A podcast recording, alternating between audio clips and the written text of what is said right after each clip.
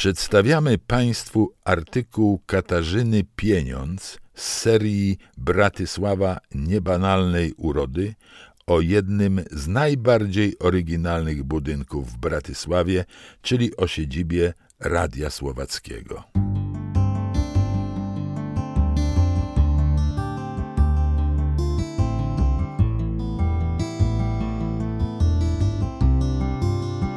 To jest podcast Klubu Polskiego.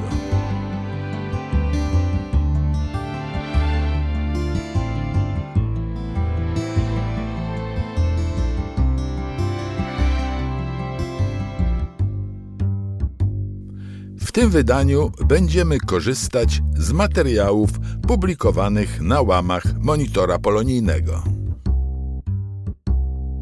W cieniu piramidy.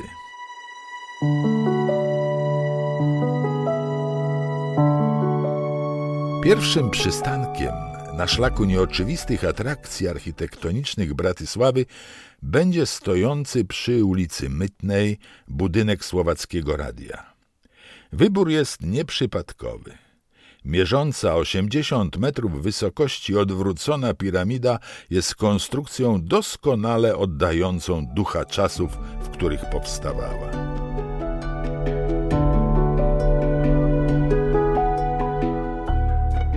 Znakomicie odzwierciedla zamiłowanie socrealistycznych architektów do monumentalnych, przeskalowanych rozwiązań w założeniu symbolizujących państwową siłę i potęgę. Przez wielu mieszkańców Bratysławy wciąż zresztą jest nie bez złośliwości nazywana żelazną pięścią reżimu.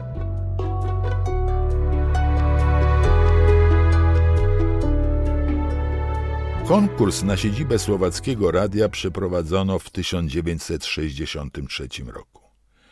Zwyciężył projekt Milosza Chorwata, który jednak ostatecznie, po przeanalizowaniu wszystkich za i przeciw, odrzucono, decydując, że zrealizowana zostanie koncepcja z drugiego miejsca stalowa piramida zaproponowana przez zespół architektów w składzie Stefan Swetko, Stefan Dziurkowicz oraz Barnabasz Kisling.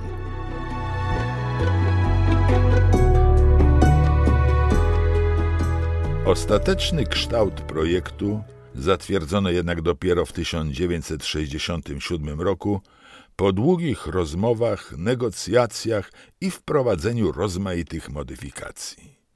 Prace budowlane rozpoczęły się wkrótce potem i trwały aż do roku 1983.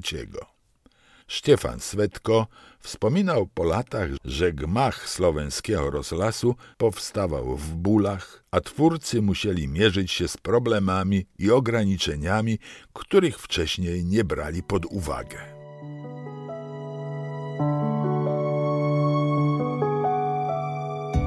Zastosowanie stali jako głównego budulca było pionierskim rozwiązaniem w krajowej architekturze, co postawiło przed projektantami wyzwanie w postaci konieczności znalezienia specjalistów mających jakiekolwiek doświadczenie w stawianiu konstrukcji z tego materiału. Poszukiwania zakończyły się fiaskiem, a konsultacje z zagranicznymi inżynierami nie wchodziły w rachubę. Siłą rzeczy nie udało się więc uniknąć pewnych błędów. Architekci przyznali, że z części pomysłów musieli zrezygnować, bo ich wykonanie było po prostu nierealne.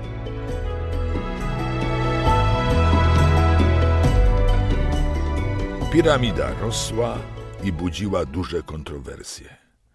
Krytycy podnosili nie tylko argumenty merytoryczne, dyskutując o estetyce powstającego budynku, ale również zupełnie irracjonalne. Konstrukcja miała być rzekomo pomniejszoną wersją piramidy Cheopsa i emitować złą energię. Ten ostatni zarzut architekci traktowali z humorem, podkreślając, że może lepiej zwrócić uwagę także na wnętrze piramidy, które dzięki ich wysiłkom idealnie nadawało się do bycia siedzibą słowackiego radia.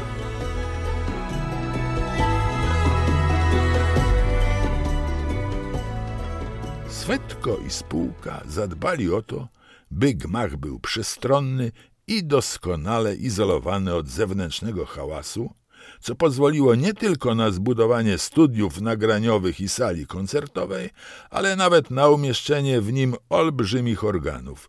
Do dziś są one największym tego typu instrumentem na Słowacji.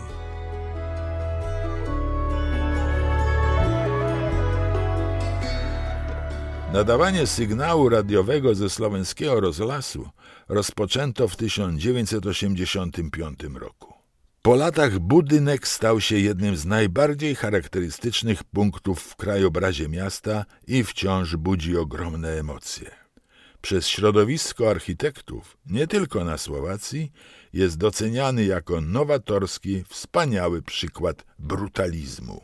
Ale już brytyjski The Telegraph w 2012 roku umieścił go na liście kandydatów do miana najbrzydszego budynku na świecie, co wywołało żywą dyskusję w słowackich mediach.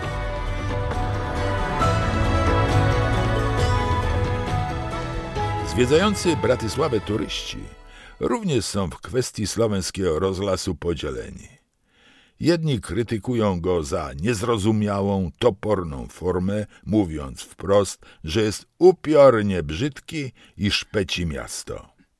Inni chwalą go za oryginalność, niesztampowość. Uważają, że Słowacy zdecydowanie powinni traktować go jako jeden z symboli Bratysławy i chwalić się nim, bo jest jedyny w swoim rodzaju. Do tego Słowaków nie trzeba przekonywać. W grudniu 2017 roku nadali piramidzie status pomnika dziedzictwa narodowego.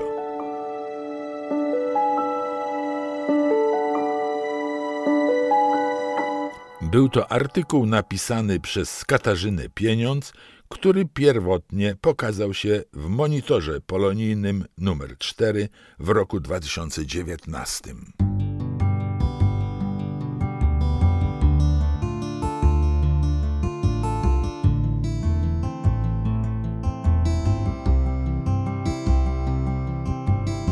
Ten tekst możecie Państwo przeczytać na stronie internetowej www.polonia.sk.